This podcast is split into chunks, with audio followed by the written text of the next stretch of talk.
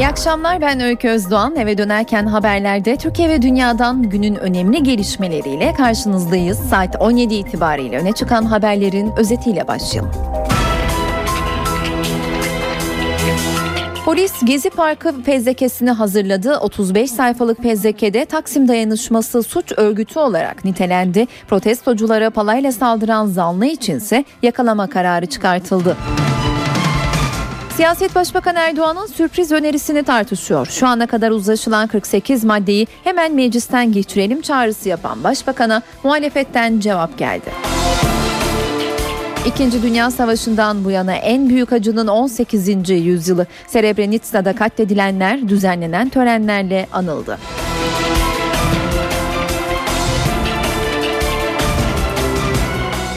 SBS sonuçları yarın açıklanacak. Fenerbahçe'nin ardından Beşiktaş'ta UEFA Tahkim Kurulu'nda savunma yaptı. Avrupa'dan men cezasının kaldırılıp kaldırılmayacağı bir haftaya belli olacak.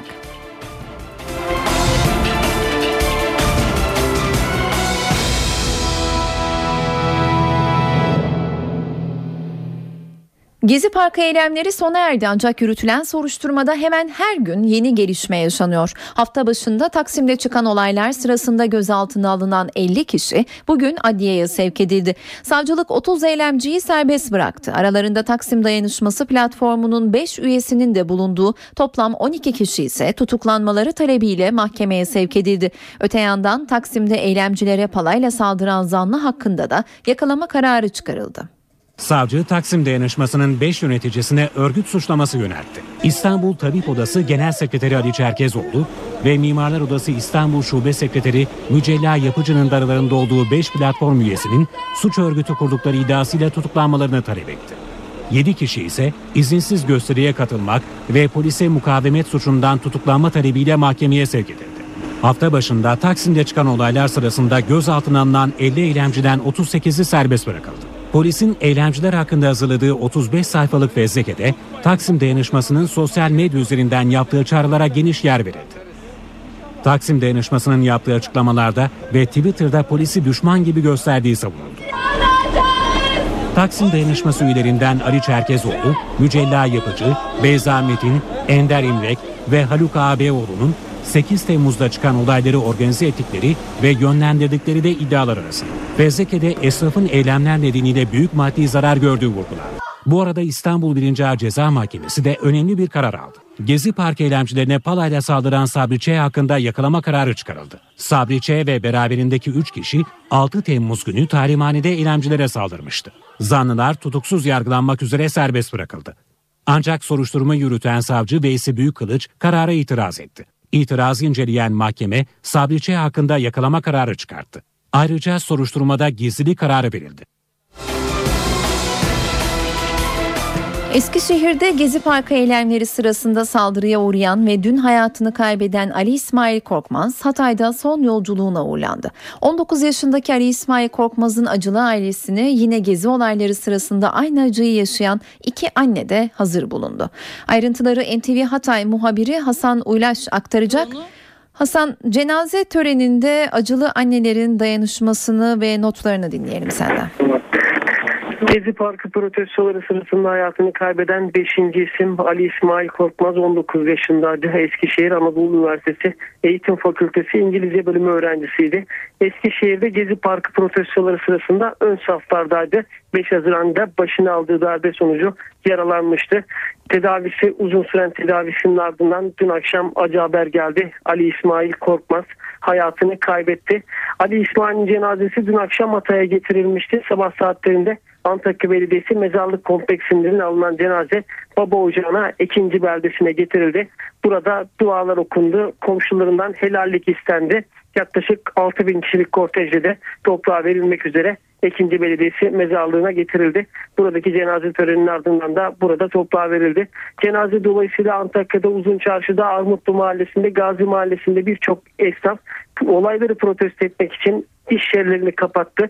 Ali İsmail daha önce kalp hastasıydı. Açık kalp ameliyatı olmuştu. Yani birinci yaşam savaşını kazanmıştı ancak ikinci yaşam savaşını kaybetti. Ve bugün sev, e, sevenlerin gözyaşları arasında son yolculuğuna uğurlandı. Hasan teşekkürler. NTV Hatay muhabiri Hasan Uylaş, Ali İsmail Korkmaz'ın cenaze töreninden notları aktardı.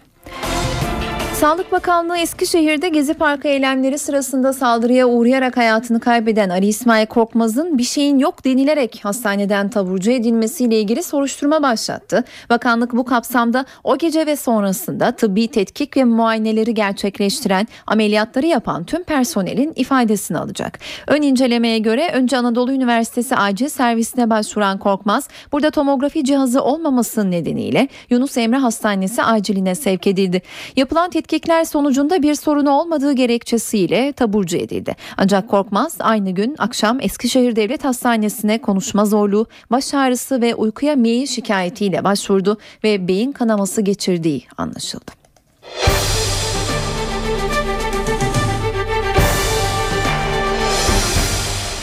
Anayasa çalışmalarında yeni bir döneme girildi. Meclis Başkanı Cemil Çiçek'in liderler turundan sonra Anayasa Uzlaşma Komisyonu'nun yaz döneminde çalışması kararı alındı. Asıl sürpriz çıkış ve gündem yaratacak açıklama ise Başbakan Erdoğan'dan geldi.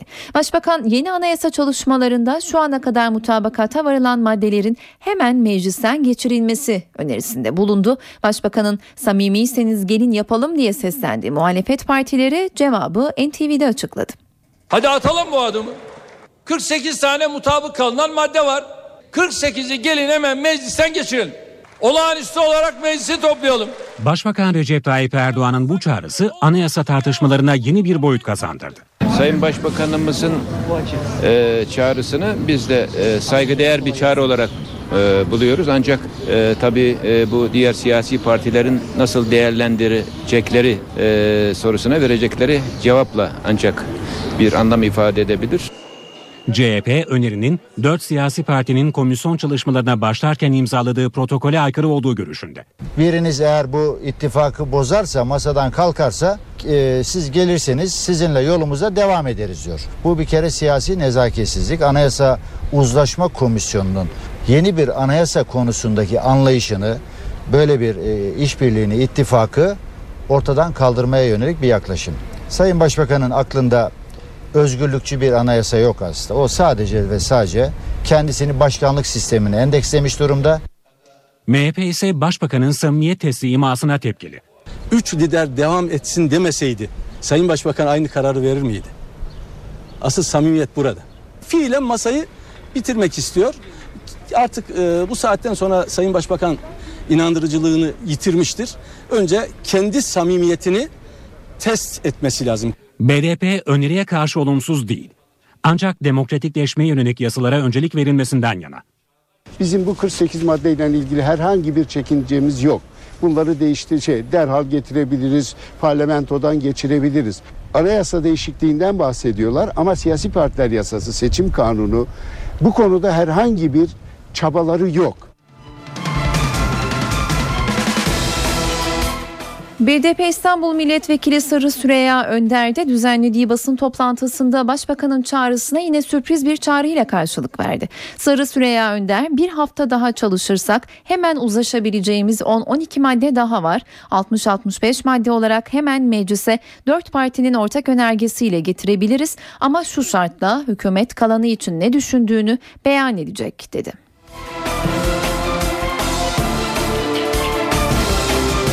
Parti sözcülerinin açıklamaları böyle. Peki masa başında neler oluyor? Anayasa Uzlaşma Komisyonu üyeleri Meclis Başkanı Cemil Çiçek'in çağrısıyla toplandı. Bugün yaklaşık 3 saat süren toplantı notlarını NTV muhabiri Borayhan Gülcü'den alıyoruz yoğun çalışma beklentisi vardı. Bu gerçekleşti. Gerçekten de yoğun olarak çalışacak. Ancak bu yoğun çalışma milletvekillerini kapsamayacak. Milletvekillerinin danışmanlarını kapsayacak. Bu açıklamada Süheyl Batum'dan geldi Cumhuriyet Halk Partisi'nden. Toplantının çıkışında kesinlikle baskılara kapalıyız. Baskıyı kabul etmiyoruz bu tip çalışmalarda. Dünyanın hiçbir ülkesinde günde 10 saat çalışın veya bu çalışmaları bir yıl içerisinde tamamlayın gibi bir baskı söz konusu olamaz. Sonuçta 4 farklı görüşten parti bir araya geldik. Ne zaman biterse o süre içerisinde biz bu çalışmaları tamamlarız ifadesini kullandı. Çalışmalar devam edecek peki hangi başlıklarla devam edecek? Yargı veya temel hak ve özgürlükler konularında devam edecek. İşte bunun kararı da yarınki toplantıda verilecek. Yarın 14.30'da yeniden bir araya gelecek Anayasa Uzlaşma Komisyonu. CHP'li Süheyl Batum'un ardından AK Parti'den Ahmet İğma'ya bu defada çıktı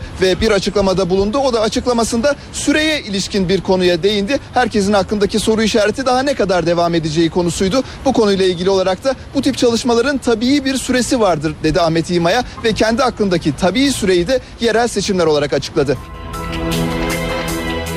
BDP eş başkanı Demirtaş PKK'nın %100 çekilmesinin haftaya ya da 15 gün içinde bitebileceğini açıkladı. PKK'lıların büyük bölümünün Türkiye'yi terk ettiğini iddia eden Demirtaş, kesin tarih veremiyoruz ancak gruplar belli bir sistematik dahilinde çekiliyor dedi. Demirtaş iki hafta önce görüştükleri Öcalan'ın sürece ilişkin kaygılarını da aktardı. Öcalan'ın sağlık sorunlarına dikkat çekerek süreç tamamlanmadan ölürse çözümün akıbeti konusunda kaygılı olduğunu bildirdi. Bu arada PKK'nın son kongre kongresinde KCK Yürütme Konseyi Başkanlığından alınan Murat Karayılan da PKK'ya yakın internet sitesine yaptığı açıklamada önümüzdeki bir hafta çok önemlidir. Hükümet böyle devam ederse süreç tıkanır dedi. Demokratik Toplum Kongresi'nin ardından Doğu ve Güneydoğu'daki tabip odaları da Abdullah Öcalan'ın sağlık sorunlarının tespiti için İmralı'ya doktorlar heyeti gönderilmesini istedi. Diyarbakır'da düzenlenen basın toplantısında Öcalan'ın ciddi sağlık sorunları olduğunu belirten tabip odası başkanları nefes darlığının kronik hale dönüştüğünü kaydetti. Grubun sözcülüğünü yapan Diyarbakır Tabip Odası Başkanı Kemal Karadaş, bağımsız doktorlar heyeti oluşturup Öcalan'ı ziyaret etmek istediklerini bildirdi.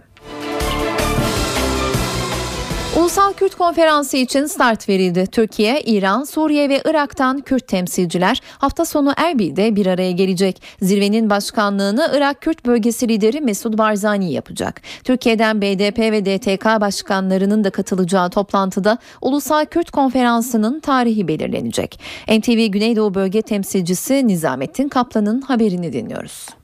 6 yıldır gündemde olan Kürt konferansı için adım atıldı. Türkiye, İran, Suriye ve Irak'ta yaşayan Kürtlerin temsilcilerinin katılacağı konferansın tarihi bu hafta sonu Erbil'de belirlenecek.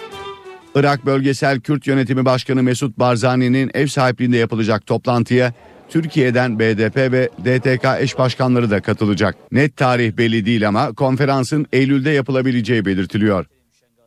Konferansta Kürtler arasında birlik oluşturulması, sosyal, kültürel, siyasal sorunlara çözüm bulunması, ortak tavır alınması ve ortak çatı altında toplanmak hedefleniyor. Kürt konferansı aynı zamanda Abdullah Öcalan'ın çözüm sürecinde işaret ettiği Ankara, Diyarbakır ve Brüksel'deki konferansların da finali niteliğinde olacak. Kürt konferansı için son olarak 2011 yılında yoğun hazırlık yapıldı. Ancak o dönemde Silvan'da 13 askerin şehit olduğu PKK saldırısı üzerine konferans Mesut Barzani tarafından iptal edildi. 1 milyon öğrencinin meraklı bekleyişi yarın son buluyor. Milli Eğitim Bakanlığı SBS sonuçlarını yarın açıklayacak. Öğrenciler sonuca meb.gov.tr adresinden ulaşabilecek. Sınav sonuç belgesi posta yoluyla gönderilmeyecek. Hükümette Türk İş arasında süren toplu iş sözleşmesi görüşmelerinde sorun çıktı. Türk İş hükümetin teklifini yetersiz buldu ve masadan kalktı. Yaklaşık 200 bin kamu işçisini ilgilendiren 2013-2014 dönemi toplu iş sözleşmesi görüşmelerinde hükümet bu yıl ilk 6 ay için %4, ikinci 6 ay için %3 zam, sosyal yardımlar için de enflasyon oranında artış önerdi. Bu yıl için %10 zamla %15 üzeri gelir vergisini devlet ödesin talebiyle masaya oturan Türk İş ise hükümetin teklifini yetersiz buldu. Müzakereler şimdilik havada kalmış durumda.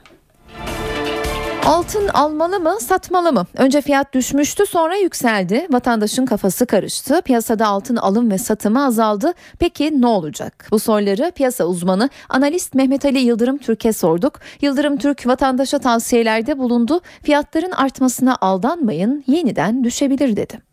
Yeni alıcıların biraz daha temkinli davrandıklarını görüyoruz. Nisan ayındaki sert düşüş sırasında işte 1180 dolara kadar gerilediğinde altının gram fiyatı 74 liraya kadar gerilemişti. Orada tabii biraz da 1.80'lerde e, seyreden euro dolar e, dolar TL fiyatının da etkili olduğunu görüyoruz. Ve o noktada e, tabii ki daha da düşeceği beklentisi iyice artık e, zihinlere yerleşti. Evet. O bakımdan bu kısa süreli yükselişleri de yine temkinli davranıyor. Yükselişlerde bilakis e, bizim de önerilerimiz çerçevesinde satış fırsatı olarak değerlendiriyor ve böyle yapmak da gerekiyor. Evet. Örneğin bugün 80 liradan oluşan bir fiyat var. Orada tabii bir de 1.94 e, seviyelerinde seyreden dolar TL fiyatı evet. var. Bu seviyeler tutulabilirse Geçtiğimiz günlerde 1.97'ye kadar yükselmişti dolar biliyorsunuz. O seviyeler ulaşmazsa altı fiyatları yine bu 80 TL seviyelerinden geri dönebilir diye düşünüyorum. Ee, özellikle Temmuz ve Ağustos ayı ortalarına kadar altının onsunun e, muhtemelen 1180-1160 dolarlara kadar da gerilemesi söz konusu olabilir. Çünkü bu yapılan açıklamanın çok inandırıcı olmadığı, sadece piyasayı biraz yumuşatmak için yapılmış bir açıklama olduğu biliniyor. Ve dolayısıyla bundan sonraki süreçte bu parasal genişlemeye her halükarda sonlandırıcı gelişmeler olacak diye düşünüyorum. Bu bu süreçte altın bundan böyle de 1160 e, dolarlardan sonra belki sene sonuna doğru 1100 hatta 1000 dolara kadar da gerileyebilir. Bu da içeride 24 ayar altının gram fiyatının şu anda bugün 80 liradan oluşmuş durumda. Özellikle Ağustos ortalarına kadar %10 daha bir gerileyerek 70-72 liraya kadar da gerileyebilir. Dolayısıyla bu veriler çerçevesinde bugün yükselen altının satış fırsatı olarak değerlendirilmesi gerekir. Bugün para ve sermaye piyasalarından olduğuna da bakalım. CNBC'den Enis Şener'de dinliyoruz? İyi akşamlar.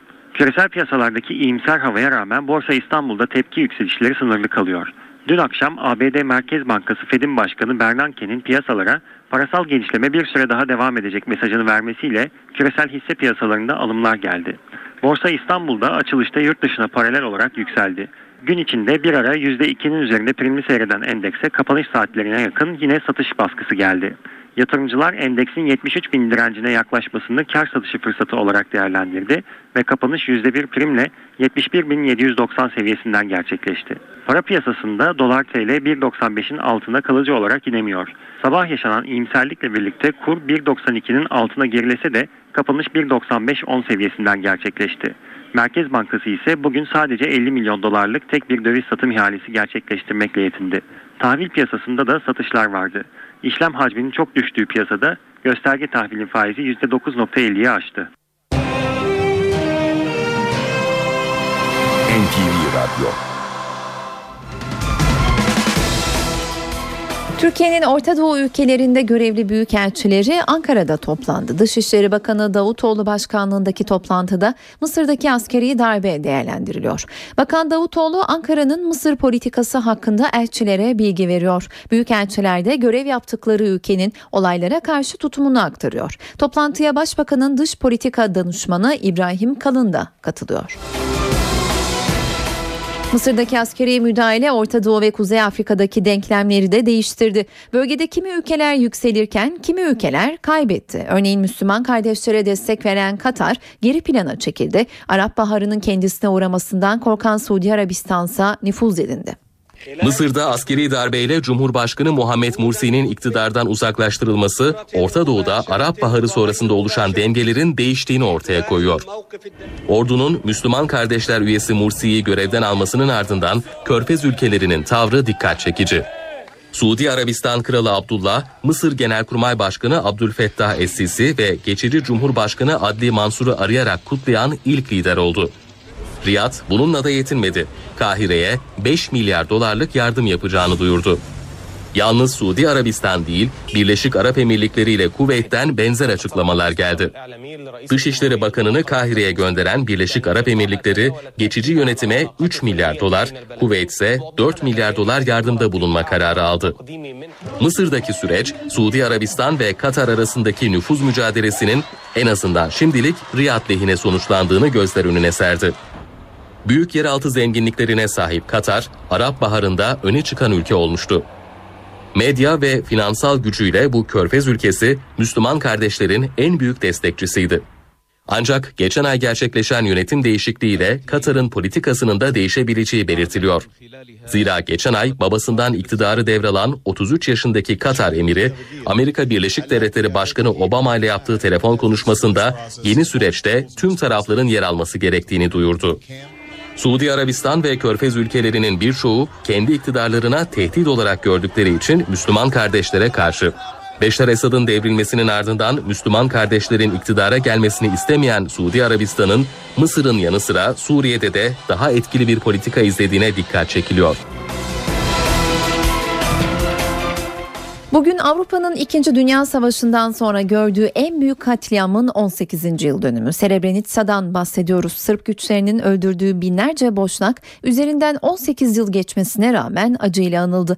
NTV muhabiri Burbuçe Ruşeti o töreni izledi ve şu anda da telefon hattımızda notlarını aktaracak.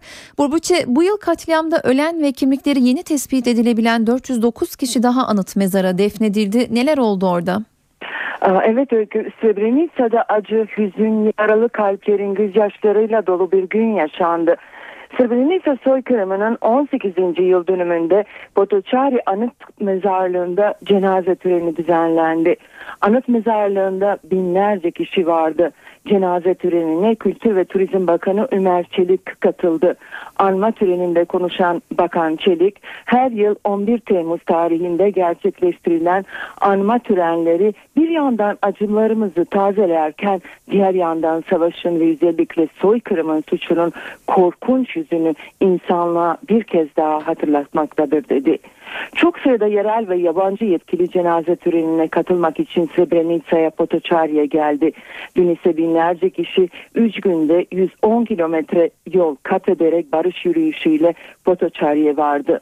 Kimlikleri yeni teşhis edilen 409 kişinin cenazesi kılınan namazın ardından toprağa verildi.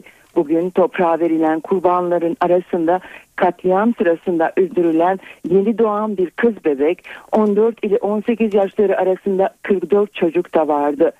409 yeni mezarda sırlar, acılar, 409 cenazenin hikayesi e, saklı. Yeni doğan bebeğin hayat hikayesi ise başlamadan son buldu. Herkes onun e, suçu neydi soruyor. Bu yılki cenaze töreninin ardından toplam 6066 Srebrenica soykırım kurbanı defnedilmiş oldu. Srebrenicalı annelerin acılarla dolu gözyaşları, kanayan yaraları son nefeslerine kadar akmaya devam edecek. Dünyaya ise hüzün dolu kalpleriyle Srebrenica unutulmasın, Srebrenica tekrarlanmasın mesajını gönderiyorlar. Bölgede yaşananlar BM'ye bağlı Uluslararası Adalet Divanı ve Savaş Suçları Mahkemesi tarafından 2007 yılında soykırım olarak nitelendirilmişti. 11 Temmuz sizin söylediğiniz gibi 1995'te Srebrenica'yı koruyan Hollandalı BM askerlerinin Bosnalı Sırpların kasabayı ele geçirmesine göz yummasının ardından yaşanan soykırımda aralarında çocuklarında bulunduğu 8 binden fazla boşnak öldürülmüştü. Soykırımın sorumluları olan eski Bosnalı Sırp komutan Ratko Mladic 16 yıl fırarı yaşadıktan sonra 2011'de yakalandı. Eski Bosnalı Sırp lider Radovan Karadzic ise 2008'de yakalanmıştı. Bugün ise Lahi Mahkemesi'nin temiz konseyi geçen yıl 27 28 e, Haziran'da alınan ve e, kararla ve Radovan Karadzic'in Srebrenica haricinde Bosna Hersek'teki 7 farklı belediyede soykırım suçu işlemediğini öngören karara savcılığın yaptığı itirazı değerlendirdi. Temiz Konseyi Karacic'in Srebrenica'nın yanı sıra ülkenin çeşitli bölgelerinde 7 belediyede de soykırım suçu işlediği gerekçesiyle yeniden yargılanmasına karar verdi. Bu karar Bosna Hersek'te Karacic davasının e, mantıklı raylara oturması ya da geri dönmesi olarak niteleniyor öykü. Teşekkürler Burbuçe. NTV muhabiri Burbuçe Ruşeti'den Srebrenica katliamının 18. yıl dönümü için düzenlenen törenin notlarını dinledik. Eve dönerken kaldığımız yerden devam ediyoruz. Türk vatandaşları Avrupa'ya vizesiz seyahat edebilecek mi? Ankara ile Brüksel arasındaki görüşmeler sürerken Avrupa Birliği'nin genişlemeden sorumlu üyesi Stefan Füle'den konuyla ilgili açıklama geldi. Füle vizelerin kaldırılması için Türkiye'nin mültecilerin geri kabulünü öngören anlaşmayı imzalamasını şart koştu. Avrupa Birliği genişlemeden sorumlu üyesi Stefan Füle resmi bir ziyaret için Ermenistan'ın başkenti Erivan'daydı. Ermenistan Devlet Başkanı Sarkisyan'la görüşmesi sonrası basının karşısına geçen Füle, Türkiye ile Avrupa Birliği arasındaki müzakere sürecini ve Schengen vizesinin kaldırılmasına ilişkin soruları yanıtladı. Bu senenin Avrupa Birliği-Türkiye ilişkileri için önemli bir yıl olmasını ümit ediyorum. 3 yıldır herhangi bir fasıl açmıyoruz. Ancak Dışişleri Bakanlarının 22. faslı açması ve girişim raporu incelendikten sonraki kararları bizi yeni bir aşamaya götürecek. Umarım Türkiye ile sürdürülebilir bir ilişki kurabilir ve vize ilişkin konular üzerinde yapılan çalışmalarla bunu güçlendirebiliriz. Çünkü Türkiye ile geri kabul anlaşmasını imzalamaya ve Türkiye koşulları yerine getirdiği takdirde biz de vizeleri kaldırmak için diyaloğa başlamaya çok yakınız. Füle ayrıca Ermenistan'ın demokratikleşmesinde görülen gelişimin kayda değer olduğunu vurguladı. I hope it will be strengthened. İsviçre Yüksek Mahkemesi başörtüsünü okullarda serbest bıraktı. Yüksek Temiz Mahkemesi konumunda bulunan federal mahkeme bazı kantonlarda lise düzeyi okullarda uygulanan başörtüsü yasağının hiçbir nedene dayanmadığı ve uygulanamayacağı kararına vardı. İçtihat oluşturan bu kararla İsviçre okullarında başörtüsü serbest hale geldi. İsviçre'nin Bürglen kasabasında yaşayan 16 yaşındaki iki kız çocuğunun okula başörtüsüyle alınmaması üzerine olay yargıya taşındı. Lozan kentinde içinde bulunan yüksek mahkemenin bugün verdiği ve oy birliğiyle alınan kararda okul idaresi haksız bulundu. Okulun uyguladığı yasağın hiçbir yasal dayanağı yoktur denilen kararda kızların okula başörtüsüyle gitmeleri yasaklanamaz denildi. Yunanistan'da kapatılan devlet televizyonu yeni bir kanalla yeniden yayına başladı. Şimdilik belgesel ve film gösterimi yapan kanal 3 ay içinde program ve haber yayınına başlayacak. Ancak eski devlet televizyonu çalışanları yeni kanalı kabul etmiyor. Bir ay önce hükümet tarafından kapatılan Yunan Devlet Televizyonu yeniden yayına başladı. Kapatılan ERT'nin yerine geçici olarak yayına başlayan kanal bu kez EDT adıyla izleyicilerin karşısına çıktı. Hükümet yetkilileri kanalın şimdilik sadece belgesel ve film gösterimi yapacağını bildirdi. Kanalın 3 ay içerisinde rutin program yayınına başlayacağı belirtiliyor. Devlet kanalı geçici olarak özel bir televizyon kanalı binasında yayınını sürdürecek. Eski Yunan Devlet Televizyonu çalışanları ise yeni kanal yayınına öfkeli. Bugün yayına geçen kanalın ERT ve ERT çalışanlarıyla hiçbir ilgisi yoktur. ERT stüdyoları veya ekipmanı kullanılmamaktadır. Bu yalnızca özel bir yayın kanalı ile yapılan bir işbirliği olarak nitelendirilebilir. İşten çıkarılan ERT çalışanları işgal ettikleri eski televizyon kanalı binasında yayın yapmaya devam ediyor. ERT kanalı hükümetin kemer sıkma politikalarının bir parçası olarak bir ay önce kapatılmıştı. Kanal kapatma krizi eski devlet kanalı çalışanlarının geniş çaplı protesto ve grevleriyle ülke gündemine oturmuş, hükümeti dağılmanın eşiğine getirmişti. Avrupa'da kozmetik ürünlerin satışı önemli bir şarta bağlandı. Artık 28 üyeli birlik içindeki hayvanlar üzerinde denenmiş kozmetik ürünler satılamayacak. Hayvan hakları savunucuları karardan memnun.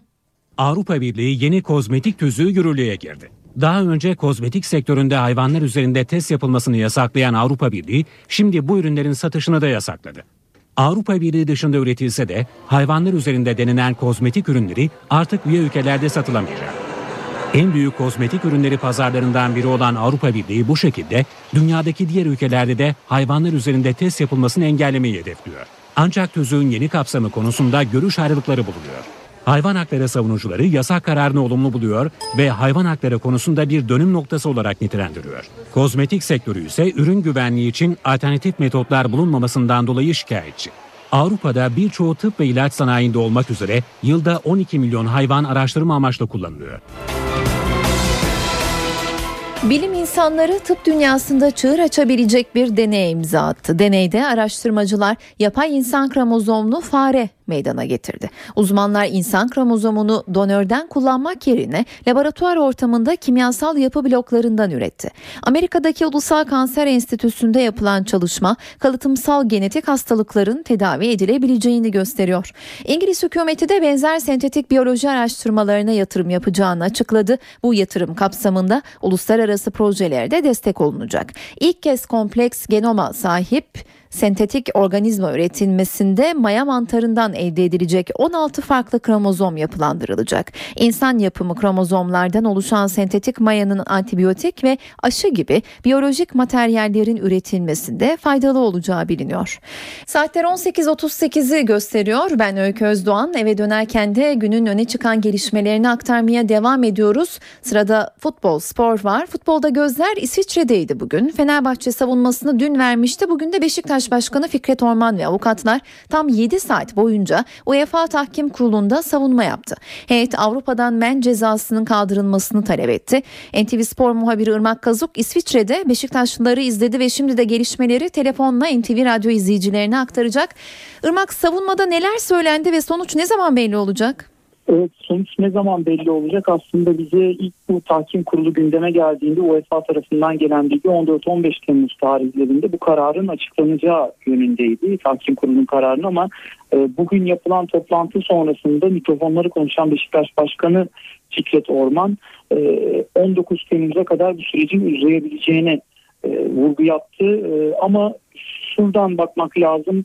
E, siyah beyazlılar bugün disiplin kurul toplantısı yani bundan bir hafta önce bir kez daha buraya gelmişti yine Başkan Fikret Orman ve beraberindeki e, yönetim kurulu üyeleri. Hı hı. E, o günkü toplantının sonrasındaki Fikret Orman'ın ruh haliyle bugünkü e, bize vermiş olduğu e, kameralar vasıtasıyla canlı yayında ekranları başındaki başta Beşiktaşlar olmak üzere futbol severlere vermiş olduğu enerji çok daha pozitifti.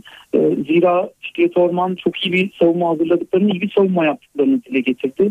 E, ve bundan sonra her ne kadar şu an için sonuca dair fikirleri olmasa da olumlu bir beklenti içerisinde olduklarını e, söyledi. Uzun bir toplantı oldu. E, dün Fenerbahçe'nin 7 saat sürmüştü. Bugün Beşiktaş'ın sadece masaya yatıracak tek bir maçı olduğu için, tek bir karşılaşması olduğu için e, bu toplantının daha kısa sürülmesi bekleniyordu.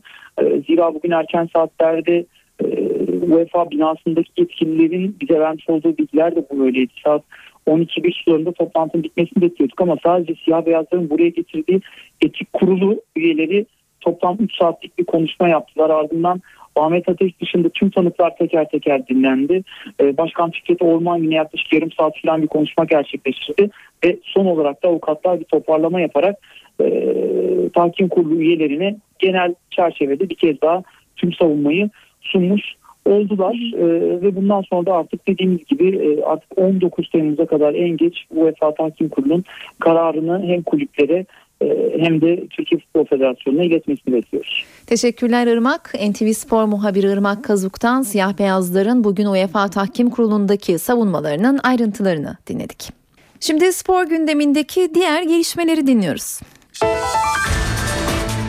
Fenerbahçe'nin yeni transferi Samuel Holmen bugünkü antrenman sonrası basın mensuplarının sorularını yanıtladı. İsveçli oyuncu hedefinin sarı lacivertli takımla şampiyonluk sevinci yaşamak olduğunu ifade etti. Fenerbahçe'nin İsveçli yeni transferi Samuel Holmen, sarı lacivertlerin sezon hazırlıklarını sürdürdüğü Topuk Yaylası kampında basının karşısına çıktı. Holmen iki hafta içinde zor, yorucu ama çok faydalı bir çalışma dönemi geçirdiklerini söylerken takımdaki ilk haftalarını değerlendirdi. Takım arkadaşlarım tarafından geldiğim zaman çok güzel karşılandım.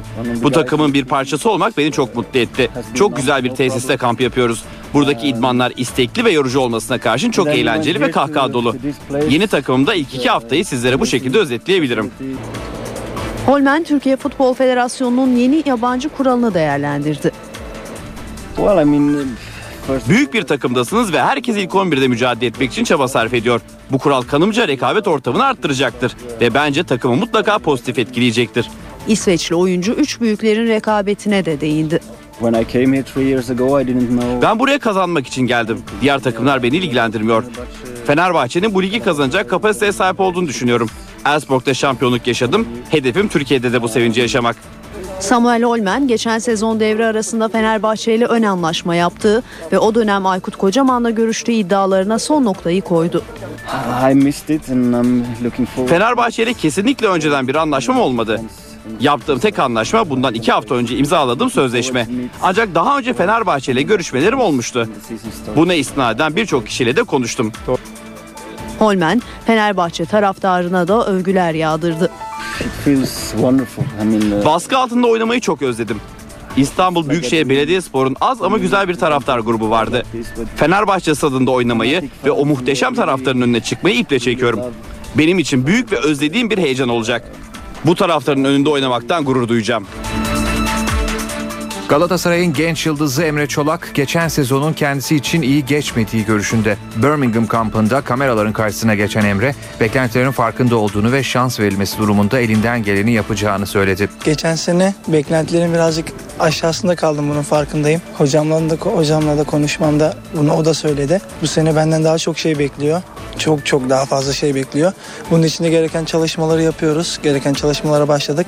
İnşallah geçen seneki gibi değil ama bu sene çok daha iyi şeyler verebileceğime söz verebilirim. Yabancı kontenjanı zaten bizim için pek de sorun değil gibi. Çünkü yine biz çalışmaya devam ediyorduk. Yine şans geldiğinde oynamaya çalışıyorduk. Belki bu sene daha çok fazla şans gelir. Dediğim gibi bu bizim elimizde. Çok sayıda Türk oyuncu da var. Belki yine pek fazla şans gelmeyebilir ama geldiğinde iyi değerlendirip formayı bırakmamaya çalışacağız. En fazla eksimin olduğu yer vücudumla ilgili, kuvvet sorunumla ilgili. Bunu da yani A takıma çıktığımdan beri farkındayım. Bunun da eksiğini zaten maçlarda görüyorum, hissediyorum. Ee, hocamızla da konuştum. Scout artık bana özel bir program verecek. Onunla da çalışmaya başlayacağız. İnşallah çalışarak bu eksiğimi de en yakın zamanda kapatmaya çalışıyorum. Trabzonspor'da Davras kampı sona erdi. Bordo Maviller çalışmalarına Mehmet Ali Yılmaz tesislerinde devam edecek. Trabzonspor 15 gün süren Isparta Davraz kampını tamamladı. Bordo Mavililerin son antrenmanına sakatlıkları bulunan Batuhan, Fatih ve Yasin katılmadı. İzinli olmadığı halde Davraz'a gelmeyen ve kendine kulüp bulması istenen Didier Zokora da çalışmada yer almadı. Mustafa Akçay antrenman öncesi Beşiktaş'ta transfer görüşmeleri olumsuz sonuçlanan kaleci Tolga Zengin'le kısa bir süre görüştü. Bordo Mavili takım 28 Haziran'da başlayan Davraz kampında günde çift antrenman yapmıştı. Kamp boyunca ikisi Ukrayna'nın Metalurg takımı, diğeri Azerbaycan'ın Kabala ekibiyle olmak üzere toplam 3 hazırlık maçı yapan Trabzonspor bir beraberlik ve 2 galibiyet aldı. 30 Haziran'da oynanan Metalurg maçında sağ dizinden sakatlanan Sapara'nın 6 ay sahalardan uzak kalacağı açıklanmıştı. Davraz kampı sona eren Trabzonspor gözünü UEFA Avrupa Ligi ikinci öneleme turunda 18 Temmuz'da Derry City ile oynayacağı ilk maça çevirdi. Bordo Mavililer bu karşılaşmanın hazırlıklarına Mehmet Ali Yılmaz tesislerinde devam edecek. Karabük Spor dış transferde dünya ünlü bir golcüyü renklerine katmak üzere. İngiltere Premier Lig takımlarından West Ham United forması giyen Carlton Cole Karabük'e geldi. Teknik direktörlüğe Tolunay Kafkas'ı getiren Karabük Spor, tesisleri gezen İngiliz golcü Carlton Cole'la imzaya yakın. 7 sezondur West Ham United forması giyen Cole'un yapılacak son görüşmenin ardından Karabük Spor'la sözleşme imzalaması bekleniyor. Son 12 sezonun 11'inde Premier Lig'de top koşturan Cole daha önce Chelsea, Aston Villa, Charlton Athletic ve Wolverhampton formaları giymişti.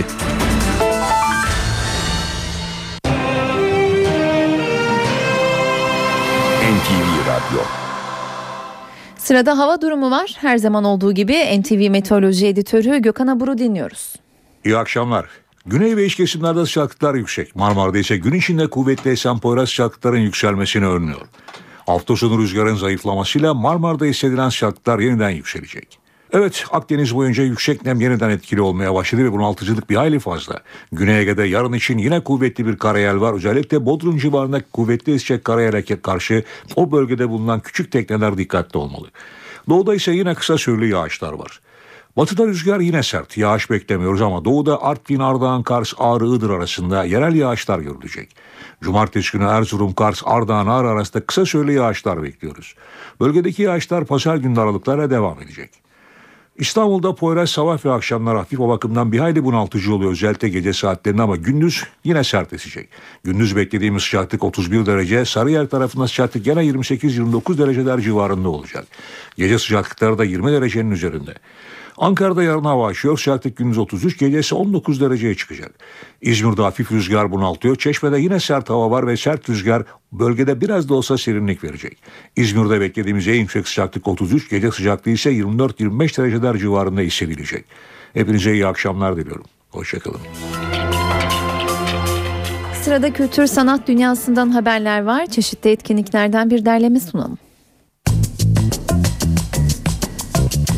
European Jazz Club Avrupa Jazz Kulübü'nde bu akşam Ozan Musluoğlu trio konser verecek. Kontrabasın genç ve parlak isimlerinden Ozan Musluoğlu'na saksafon virtüözü ve piyanist Ayvo Niyame eşlik edecek. Performans mekanı Salon İKSV. Konserin saat 22.30'da başladığını ekleyelim. Cem Adrian da If Performance Hall'de olacak bu akşam. Adrian sevilen şarkılarıyla saat 22'de başlayacak konserine. Beyoğlu Hayal Kahvesi'nde de Hediye Güven dinlenebilir. Yeni akım pop caz müziğine yeni bir heyecan katan Hediye Güven, ilk albümü Yengeç'ten şarkılar seslendirecek bu akşam. Hem Türkçe hem de İngilizce parçalar dinleyebileceğiniz konser saat 22.30'da başlıyor. İzmir'de ise Hailey Pearl Lee Santana performans sergileyecek. 25 yıldır oda müziği çalışmalarını sürdüren İzmir Barok, İzmir Festivali'ndeki ilk konserinde barok müziğin önde gelen isimlerinden Hailey Pearl ve Lee Santana ile çok özel bir repertuar seslendirecek. Konser mekanı Abacıoğlu Han Kemeraltı. Etkinlik başlama saati ise 21.30. Bu akşam evdeyseniz CNBC'de The Ghost and the Darkness adlı film var. Yönetmen koltuğunda Stephen Hopkins'in oturduğu filmin oyuncu kadrosunda Michael Douglas, Val Kilmer ve Tom Wilkinson gibi isimler yer alıyor. Ses kurgusu dalında Oscar kazanan filmde Kenya-Uganda tren yolu yapımında iki aslan tarafından katledilen 135 kişinin ve onları katleden iki aslanın hikayesi anlatılıyor. Filmde Val Kilmer bu olaya tanık olmuş John Henry Patterson'ı, Michael Douglas da ikinci aslanın ortadan kaldırılması için özel olarak çağrılan ünlü avcı Charles Remington'ı canlandırıyor. Film saat 22'de başlıyor. Öncesinde ise saat 20'de Mac and Molly, 21'de de Revolution ekranda olacak. Böylece eve dönerken programının sonuna geldik. Ben Öykü Özdoğan. Yarın akşam aynı saatte karşınızda olacağız. Şimdilik hoşçakalın.